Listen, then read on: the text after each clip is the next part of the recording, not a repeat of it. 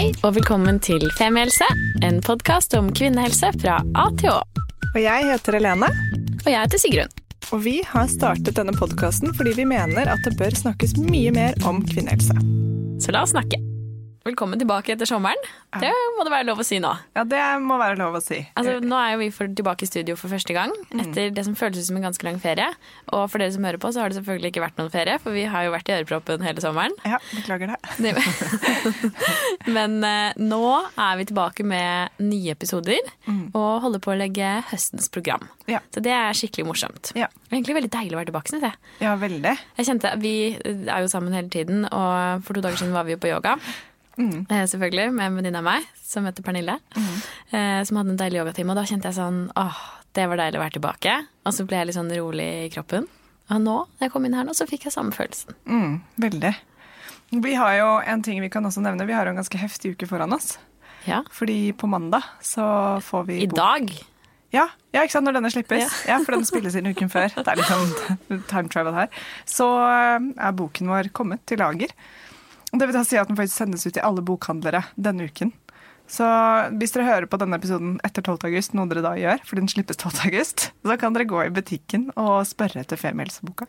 Shit, Eller Se på den og ta på den sånn. Ja. Det er psyko å tenke på. ja, Vi er så spent på hva dere kommer til å synes om den. Skikkelig grugleder oss veldig. Så send oss en melding, da. Ja. For vi håper at dere gidder å kjøpe den, og så gleder vi oss til å høre hva dere syns. Ja, veldig. Ja. Skal vi rulle i gang? Ja, vi sånn helt på ordentlig? Ja. Vil du si velkommen? Ja, velkommen. Til? til, til. Ok, dette er en gjest vi har eh, snakket med lenge. Um, Vi kan jo si at det er vår eneste kollega Ja. innenfor vårt veldig smale segment, Ja. eh, som vi har valgt å kalle for influhelsere. Ja. Det, dere, det står jo på episoden hvem gjesten er, så vi trenger ikke å tyse det. Men det er Ingefær, eh, eller Sara Lossius, aka Ingefær podkast. Ja. Ja, velkommen, Sara. Takk, det er stas å være her. Og gratulerer med boka. Tusen Sjukt kult. Altså, Vi har jo sett uh, veldig opp til deg siden vi startet. og vært litt sånn, når vi begynte å drodle med hvordan vi skulle lage podkast, var vi sånn OK, hvordan gjør Sara det? Ja, Og nå gjør dere det sjukt mye proffere, for jeg har ikke en sånn fin lydtekniker. Har du ikke det, Joakim? Nei, jeg har ikke det. Jeg er alltid en og samme person. Så jeg er litt misunnelig på han. Du er til og med to personer akkurat nå. Ja, Ja. det er sant. En inni meg, og så har jeg med meg en som sitter ved siden av deres lydtekniker. Så jeg kommer jo kvinnesterk. Jeg husker første gang jeg møtte deg eh, IRL. da. Det var på, eh, Vi sitter begge to i Ren Mat sitt redaksjonsråd. Så vi kommer litt sånn med innspill til Ren Mat er et superfint blad. Jeg anbefaler alle å sjekke ut som er glad i mat. Um, man får fire blad i, i året. Men uansett, vi sitter i samme redaksjonsråd. Og så når jeg så deg sitte der, for jeg hadde sett på hvem som skulle komme, og jeg visste egentlig at du kom, men da jeg så deg, så ble jeg så starstruck. Du sendte meg melding, gjorde Ja. ikke det? Bare sånn, Gjett hvem som er der! Ja. Og så når vi hilste og sånn, og så er jeg sånn Ja, ja, og så podcast, du bare Ja, Femihelse, den har jeg hørt på. Og jeg bare Oh my god, Sigrun. Jeg lagde dagen din ekstra god. Ja. Det, du hadde hørt om oss. Og det var veldig fint. Um, så vi har, vi har snakket lenge sammen med deg om at vi burde prates. Og, eh, for vi er jo i samme segment, og det vi egentlig lurer litt på, er hva var det som gjorde at du startet Ingefær podkast? Det er mange år siden. Altså, jeg har jo eh, blir det, eh, det blir fire år i november.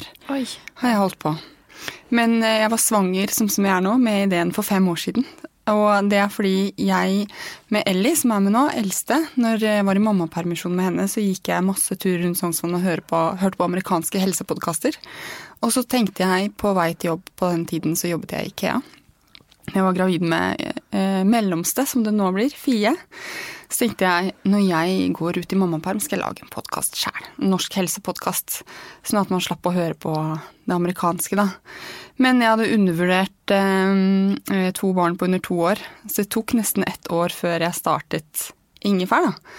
Så det var vel i disse dager for fem år siden at eh, at jeg kom på ideen, faktisk. Så ingefærnavnet tenkte jeg lenge på. altså Hva skal en helsepodkast hete? Jeg ville ikke ha Helsepodden eller For de få podkastene som var kommet da, for podkast var kjempenytt, hadde jo sånn poddenavn. Veldig mange har det fremdeles. Men jeg ville ikke ha det. Og så var jeg på trilletur, og så ramlet ingefær ned i hodet. Og da ble det det. Så Jeg liker ingefær, jeg. Jeg liker det, ja. ja, ja det er noen ganger at jeg skulle gå vekk fra det, men jeg liker det veldig godt. Og nå har jeg fått ingefær kombucha, dere. Ja, jeg følte at Som jeg drikker. Passende. Den var veldig god. Ja, så bra. Ja. Jeg tok den med colasmak. Den anbefales ikke med mindre du liker kombucha med litt sånn jegermeistersmak. Du kan tilsette noe morsomt i den, da, så blir det på en måte sunn morsom drikk. Som Jegermeister. Mm, du burde kanskje ikke si på en helsepodkast. Unnskyld. Det går bra. Dette er ikke en ren Vi Altså, mener at ja. femihelsa, en god del av det, eller en viktig komponent i å ha god femihelse, er å kunne kose seg med et glass vin, hvis man liker det. Fordi, Eller Kambodsja med Jegermeister. eller Kambodsja med jegermestere, hvis det er din greia greie. di. Ja, for å ha det bra både på innsiden og i toppen og i kroppen. Ja. Men eh, i ingefærskjæra, da snakker du om mye forskjellig. Men du har jo på en måte litt sånn jevnt fokus på ting som har med nettopp med kroppen og, og toppen å gjøre. Eh, da du begynte å leke med tanken om å starte ingefær, liksom tenkte du sånn det, Var det for lite informasjon? Altså sånn, var det en av grunnene til at du begynte? Ja, ja, det har jo endret seg ettersom jeg har endret meg og lært mer. Altså, for det første så håper jeg at det er mer på stell, for jeg gjør ikke nå, I dag har jeg gjort et opptak via Skype hjemme i kjelleren, faktisk, fordi han jeg snakket med, satt hjemme i sin stue i Stockholm. Men øhm, jeg gjør ikke opptak via Skype på et elendig program mer. Jeg har et eget studio, så det har liksom vært en fremdrift, takk og pris. Nå mangler jeg bare en tekniker, si. Men nei, jo, jeg syns det var for mye informasjon, og jeg syns mye For jeg tenkte tidlig at jeg vil lage en informativ pod, eh, en samtalebasert podkast til kvinner. Jeg, for jeg syns at mye av informasjonen rundt helse var veldig mye klikkbasert, for det første. Veldig mye fokus på åssen vi ser ut istedenfor åssen vi har det. Uh, og så eh, savnet jeg også Jeg tror at veldig mange folk er veldig smarte og liker dybdesnakk, da. Men det, det er ikke så lett å nødvendigvis lese lange artikler om ting og alt sånt der i dagens samfunn, men det å lytte til en samtale og lære. Så jeg tenkte rett og slett at det var gap in the market, som det heter. Så det var mange grunner til det. Så er det jo litt egoistisk òg. Jeg liker innhente informasjon og prate med folk og dele det. Det er det beste jeg vet om. Så det var liksom mange grunner til at jeg startet med det, men mye av det var fordi jeg tenkte at, at det var et hull i markedet, at jeg savna det sjæl. Og ville ikke bare høre på amerikanske helsepodkaster fordi det er en annen kontekst enn den norske. Så er det litt forskjell på liksom norsk og amerikansk helse, tenker jeg. Eller i hvert fall sånn syn på helse og alt fra mat til måten vi lever livene på og ja. Ja, veldig. Altså bare det Ja, jeg tror det. Og jeg, eh, det å høre norsk også er Altså man det blir lettere likt, da. At man kjenner seg igjen. Ja. Selv å høre på PCOS-episode på norsk er noe annet enn engelsk, selv om helt Det er det samme. Helt enig, for jeg har også hørt på en del amerikanske og britiske helsepodder, etter, i hvert fall etter at vi startet Femihelse. Og de, de har et annet Altså, de bruker på en måte ord for å snakke om det, og, og deres løsninger er ofte noen andre enn våre. Det er kanskje mer medisiner eller um, ja, det, er, det er en helt annen måte å kommunisere på, som kommer veldig tydelig fram når det er snakk om helse. da. Og amerikanere spesielt. Og jeg liker egentlig veldig godt den måten å snakke på, men de kan snakke veldig mye om sånn community and uh, like self-care, compassion. Og når du hører på det, så kan jeg bli veldig sånn Å ja, der. Det er veldig Men det er, ikke, det, er ikke den, det er ikke den hverdagen jeg lever i til vanlig, da. Det er ikke sånne samtaler jeg har på norsk med andre rundt meg. Så det å oversette det og gjøre det liksom neppe og norsk er egentlig veldig fint, da. Det, det, det treffer på en annen måte, syns jeg. Selv om det er mye god informasjon der ute på andre språk òg. Mm. Ja, for vi hadde jo Altså, vi følte jo veldig sånn eh, at det var et, et gap, og at vi måtte Eller vi Ja, det her må det liksom eh, inn og gjøres. Gjøres nå? Ja, og helt sånn konkret da, på, på tema for tema. Um, og din approach er jo også mer den dybde, for du har jo også sagt det at du har lyst til å være en sånn motvekt til, til den raske scrollingen og til det der raske samfunnet. At man skal liksom lytte litt og ta til seg og bruke tid. Da. Det syns jeg er veldig fint. Um, er det noe du opplever at folk liksom gir deg tilbakemeldinger på, eller sånn, som de liker, eller hvordan funker det? Vet du det? Uh, ja, de, det blir jo bare bedre og bedre lyttertall hele tiden, og folk savner ingefær uh, når jeg har pause. Og det har jeg jo fremdeles når denne episoden kommer ut. For det kommer på i månedsskiftet august-september, tenker jeg. Men ja, jeg, jeg opplever det, at folk liker den litt rolige flue på veggen-samtalen, og at jeg ikke klipper. Ja.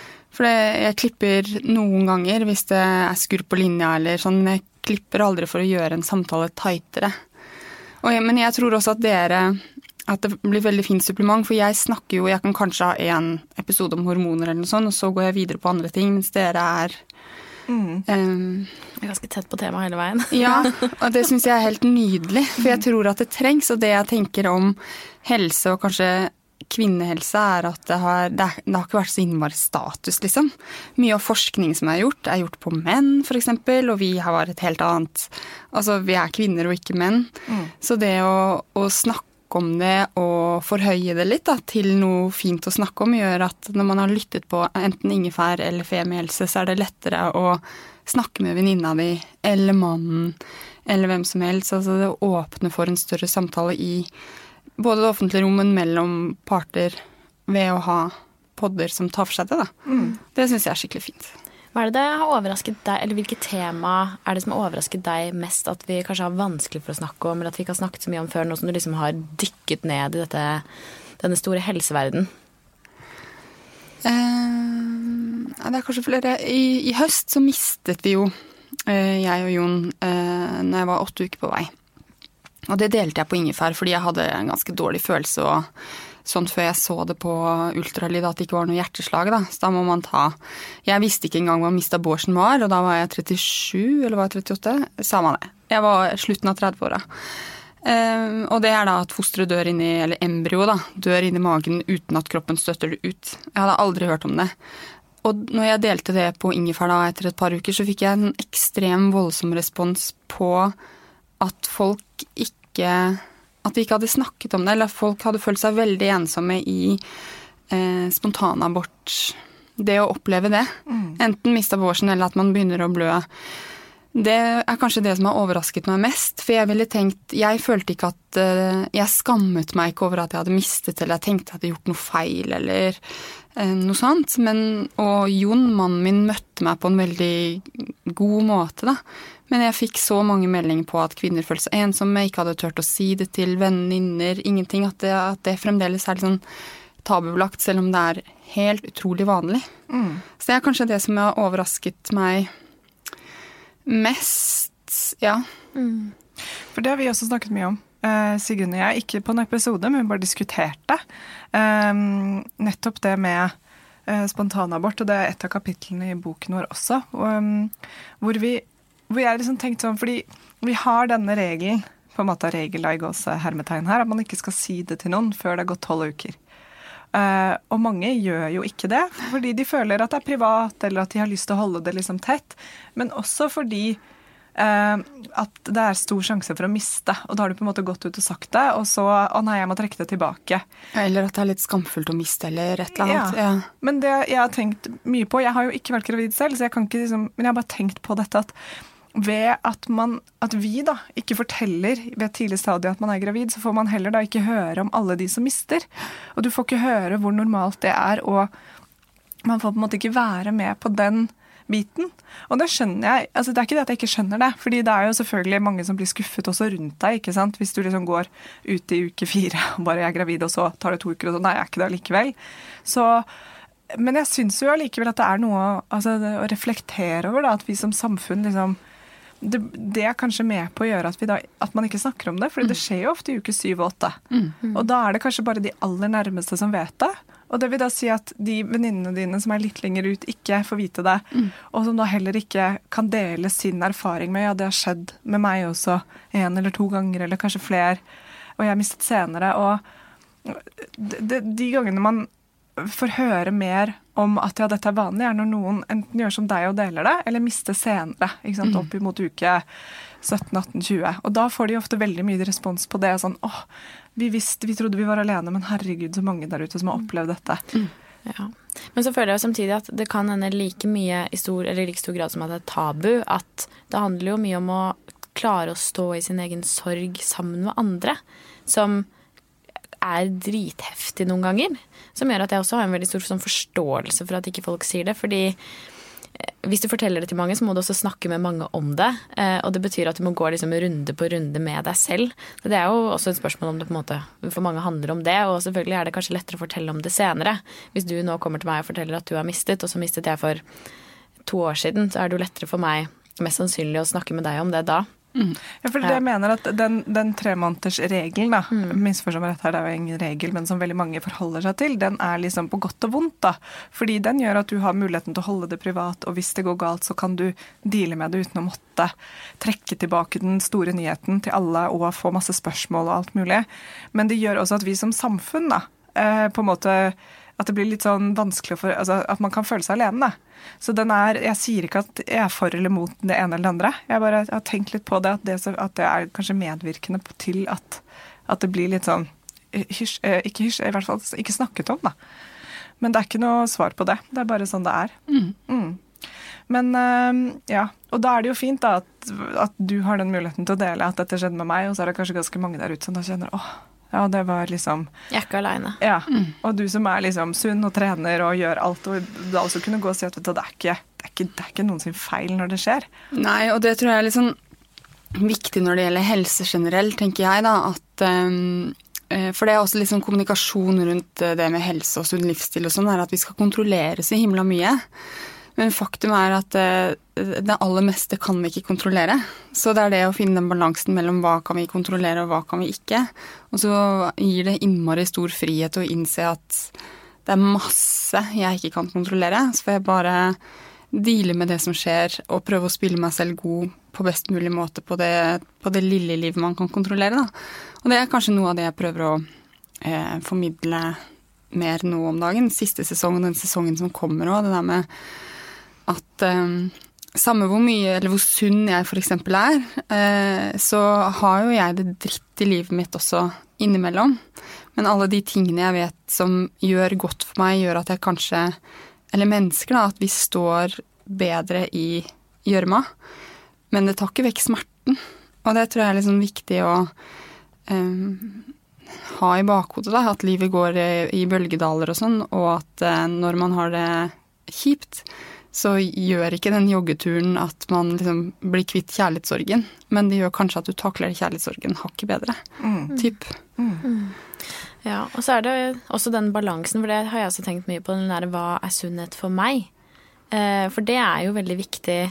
Eh, jeg vet jo med meg selv at eh, jeg kan vite mye på en måte om hva, altså, sånn, alt om mat og trening og ting og tang, men um, den balansen i liksom hvor mye av det jeg skal implementere i hverdagen min før det bikker over til stress. Den er også ganske interessant. Eh, eller om jeg på mange områder har det bedre ved å ikke av og til, da, i hvert fall ved å kanskje ikke leve mitt sunneste liv i gåsetegn på den måten. Og det, jeg synes den, det er også litt interessant, den der mentale, fysiske helsen og hva som egentlig spiller inn på de ulike. Ja, veldig. Men jeg bruker å tenke på eh, livshjulet. Altså man har, hvis man deler opp livet i ulike kakestykker, da. Så hvis man har innmari mye å gjøre på jobben f.eks., og sover kjempelite pga. noe barn hvis man har det, eller hva som helst, så er det kanskje ikke da man skal gønne på å trene til maraton, eller da ta de mest radikale kostholdsvalgene eller endringene. Så det er hele tiden en sånn justering på hvor mye har jeg å gjøre på jobben, eller hvor mye energi har jeg privat, og så må man justere deretter. Fordi man kan være I løpet av et liv skal man bli best på innmari mye, men man kan ikke oppnå alt samtidig. For hvis man prøver på det, så brenner man jo lys i begge ender. Og det er nok stress for veldig mange av oss i dagens samfunn, tenker jeg. Så det å bare være raus med seg sjæl i hektiske perioder, f.eks. Mm. Ikke at det skal nødvendigvis skal være en unnskyldning for å dytte i seg to poser Smash daglig, men, men at uh, ja, hvis man vil det, så kan man det. Det er ikke det. Men bare ikke nødvendigvis ha så høye krav på absolutt alle områder i livet hele tiden. Mm. Mm. Men det er veldig lurt, det, sånn, det å liksom se helheten, og at ikke alle kakestykkene kanskje kan være liksom like store hele tiden. Så um, ja. Og jeg, jeg syns det er veldig fint, og jeg er veldig enig med dere også i den eller, Og det der med kontrollbehovet, som også kommer med eh, all informasjonen som er der ute, og at vi nå kan lese oss til og høre oss til veldig mye, da. Jeg føler at det, at det bikker over for meg noen ganger. At jeg kan stå om morgenen og så plutselig har jeg en sånn neve med kosttilskudd i hånden.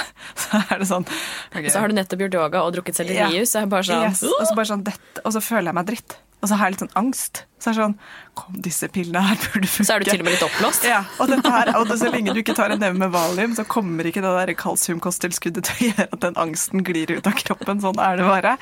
Men det er en sånn jeg, jeg, kjenner meg igjen hele tiden at jeg liksom jobber mot å få det bedre hele tiden.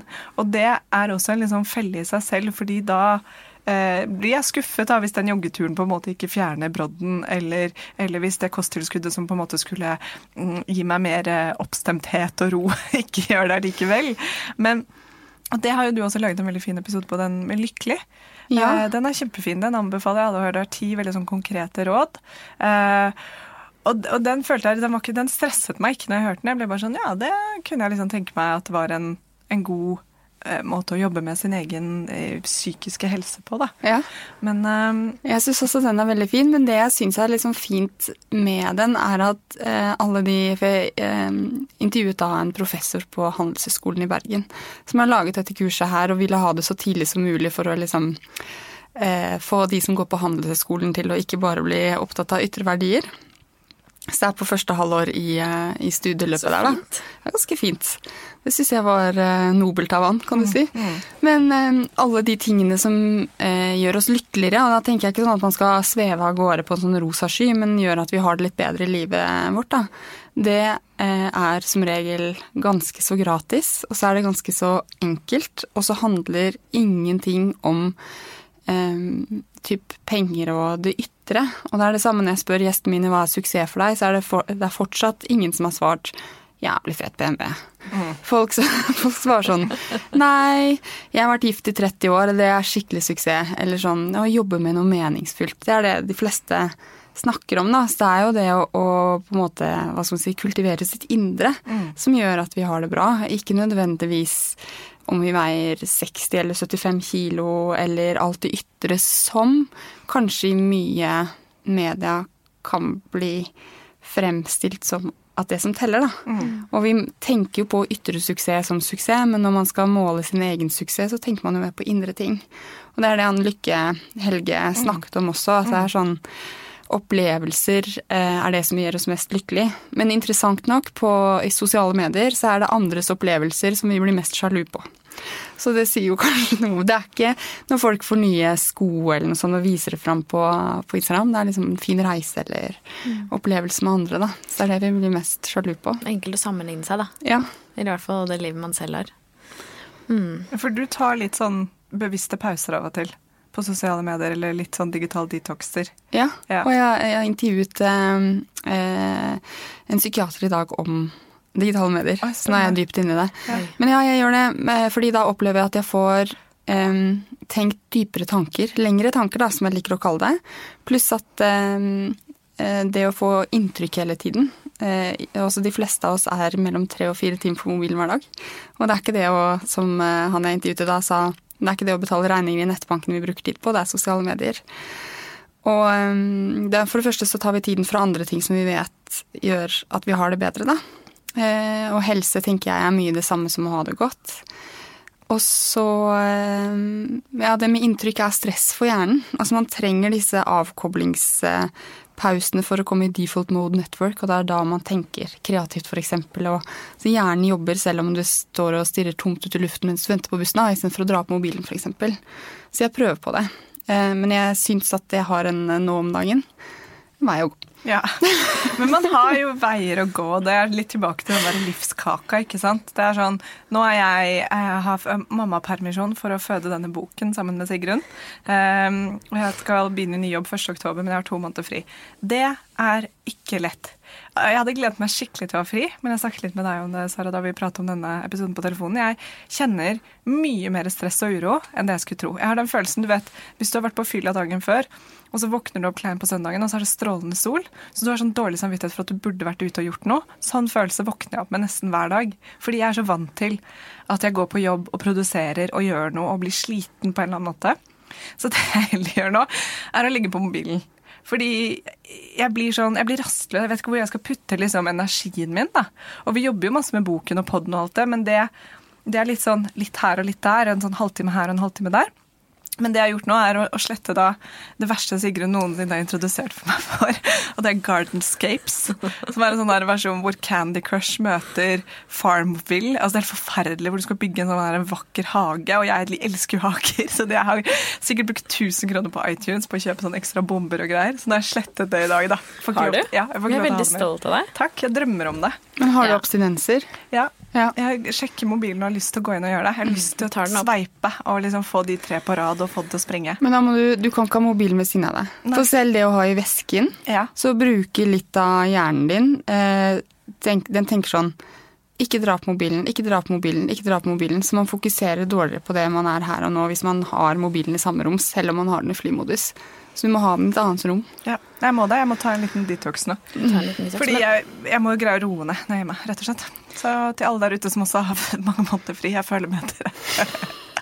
Men den der lille sånn abstinensstemmen i hjernen, den føler jeg, liksom, jeg føler den dekker ganske mange områder i livet. For jeg satt og tenkte på det bare sånn mens du snakket, Helene. Den derre det som jeg kjenner mer på som styggen på ryggen, på mange måter. Som hele tiden er liksom eh, litt misfornøyd, litt dårlig samvittighet. Altså sånn, selv om jeg kjenner at jeg er i balanse, altså sånn, at jeg spiser bra nok, jeg trener nok, jeg hviler nok altså sånn, Jeg lever egentlig så godt jeg kan.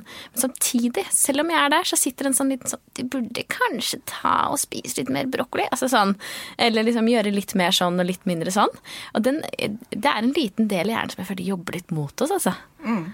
Det er en sånn selvkritisk drit som, er, som, sitter fast, og den kommer jo veldig sånn i bølger, da, for meg i hvert fall.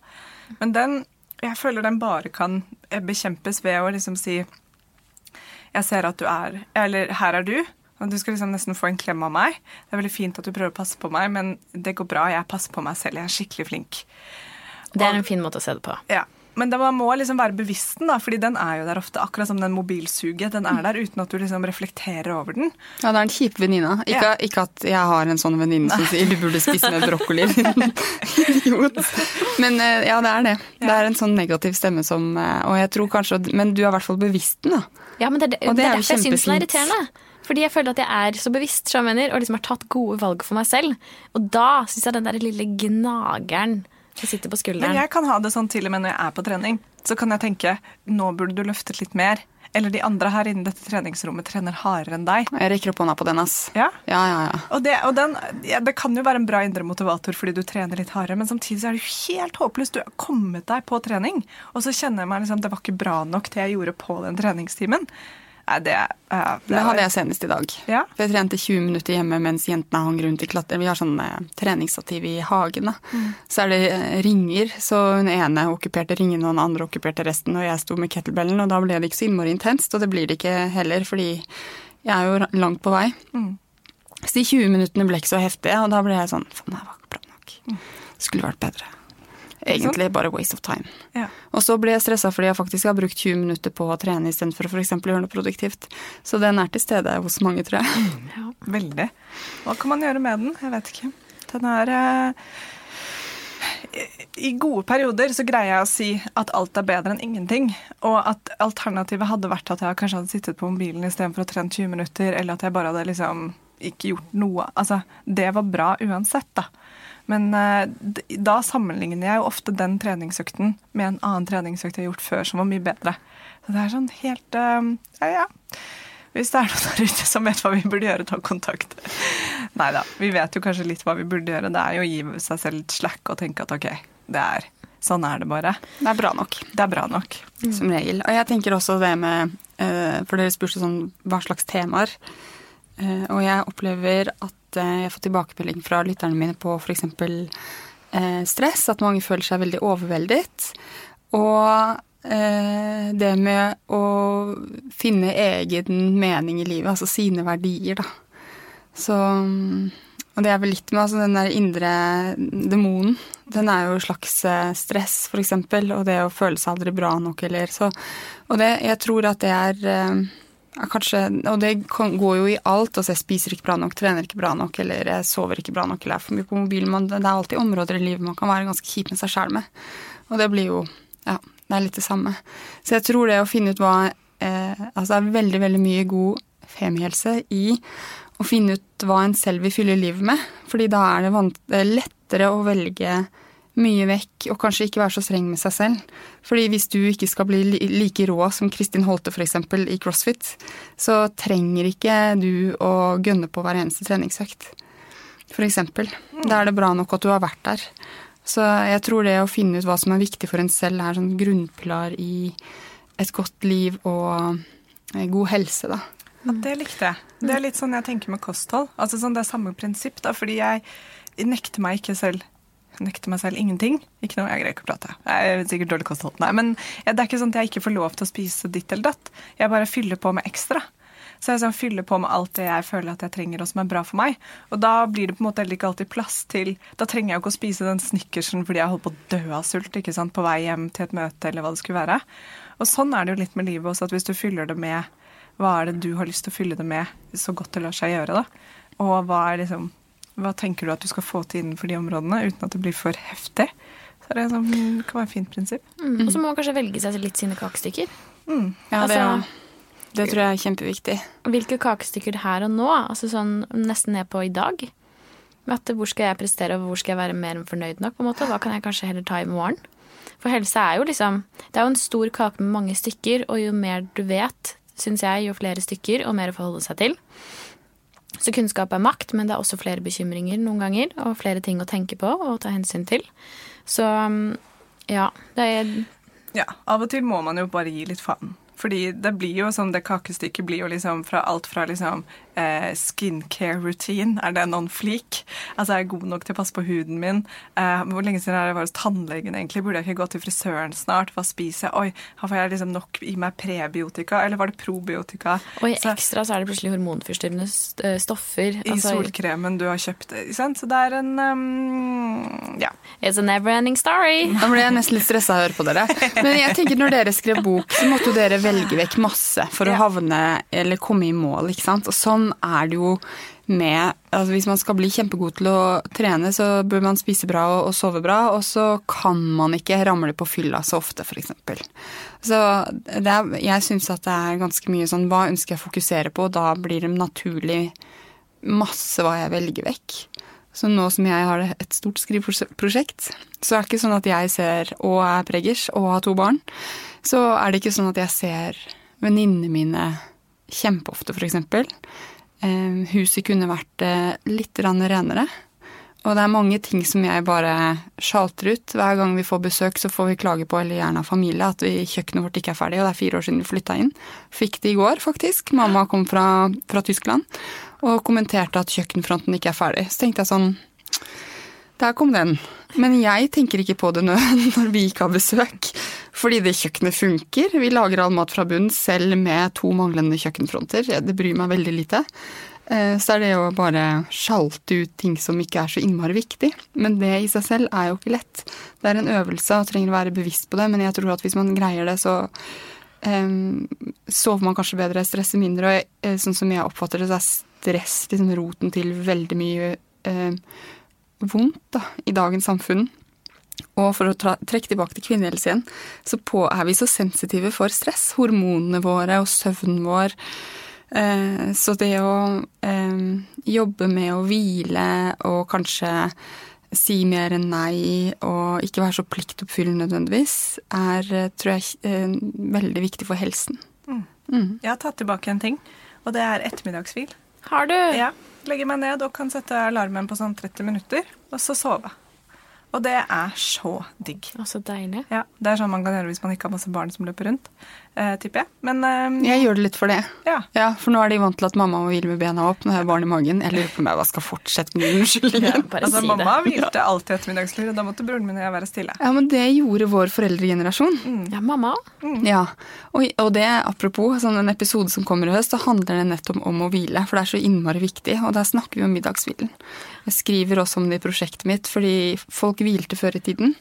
Og da har man liksom ny giv til, eh, til kvelden, og så sover man igjen. Og så trenger man kanskje ikke så mye søvn på Altså man kan legge seg ti og stå opp seks, da. Altså man får sånn Jeg tror det er mye godt i det. Får veid opp litt, i hvert fall. Ja. ja. Så en halvtime mindre på mobilen og 20 minutter på sofaen. Ja, Hvile hjernen. Ja. ja. Mamma lå alltid på sofaen mens vi så på barne-TV, og det var helt strålende. Da fikk hun hvilt, og så var vi stille. Og så etterpå så var ting strålende. altså du og jeg, og, eller vi, har jo vokst opp når barne-TV gikk fast klokken seks. Det var det så det var, har dere kjører dere sånn med kids at de ser på noe på et fast tidspunkt? Eh, nei, men vi er litt sånn eh, Silicon Valley-foreldre, hvis du skjønner. Ekstremt strenge med skjerm. Oh, ja. Ja, så mm. vi får se barne-TV fredag til søndag. Ja. Mm. Skjønner. Og så er det unntak nå, da. Nå sitter hun på paden med et sånt skrivespill. Albert Aaberg sitt ABC-spill. Men Sånn er det når mor lager pod. ja. Nei, vi er veldig restriktive på det. Det er vi. Men da er det ikke på fredag til søndag så er det når jeg og Jon trenger å lage mat, f.eks., eller et eller annet. Ja. Det er gjerne før middag. Ja.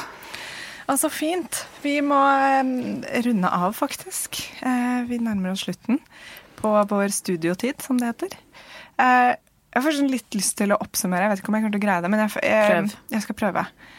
Mm, jeg syns uh, Det som jeg i hvert fall tar med meg fra i dag, er nettopp det med Jeg elsket kakestykke. Og jeg syns det var veldig fint Sigrun, ditt du at man kan ta en vurdering på hvor det kakestykket er. Hva er det som skjer i livet mitt akkurat nå, hva er det jeg kan fokusere på?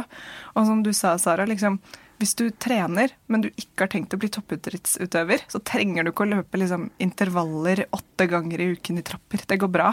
Bare tren det som er fint for deg. Og også det der at man kan gjøre alt rett, men det betyr ikke at man nødvendigvis føler seg tipp topp hele tiden. Men det er kanskje lettere å gå gjennom den gjørma med den litt ekstra muskulaturen og roen man får. Og for min egen del så var dette en god reminder på at mobilen må pauses, så jeg kanskje kan få gjort noe um, hyggeligere i denne ferietiden? Min. Ja, finne litt ro i min, uh, i min rotid, som faktisk skulle være ferie og fri, og, men også jobbe med boken. Mm. Var det greit oppsummert? Jeg syns det. Ja, det ja. syns jeg, Irun. Så bra. Så hyggelig. Mm. Så gleder vi oss til å høre på Ingefær i løpet av høsten. Mm. Og ja, i hvert fall lære mye om hvile. Det gleder jeg meg ekstra til. Ja, jeg syns det er mange fine temaer som kommer oss. Det er bare å glede seg. Ja. Veldig stas å være her. Takk. Ja, det er veldig hyggelig. Takk for at du ville komme på besøk, Sara. Takk for besøket. Takk for at du hørte på. Yes. Vi snakkes neste uke. Det gjør vi. Ha, ha det. det. Tusen takk for at du hørte på podkasten vår. Selv om det forhåpentligvis kommer tydelig frem, så vil vi understreke at vi ikke er helsepersonell. Ja, så Som vanlig, kontakt legen din om du har noen spørsmål, eller om du skal begynne på noen form for behandling. Og Har du et tema som du har lyst til at vi skal snakke om, eller noe ris eller ros, så send oss gjerne en melding på Facebook eller på Instagram. Der finner du oss under Femihelse. Mm. Og du kan gjerne rate oss på iTunes, det er skikkelig hyggelig for oss. Ha en fin dag. Ha en kjempefin dag.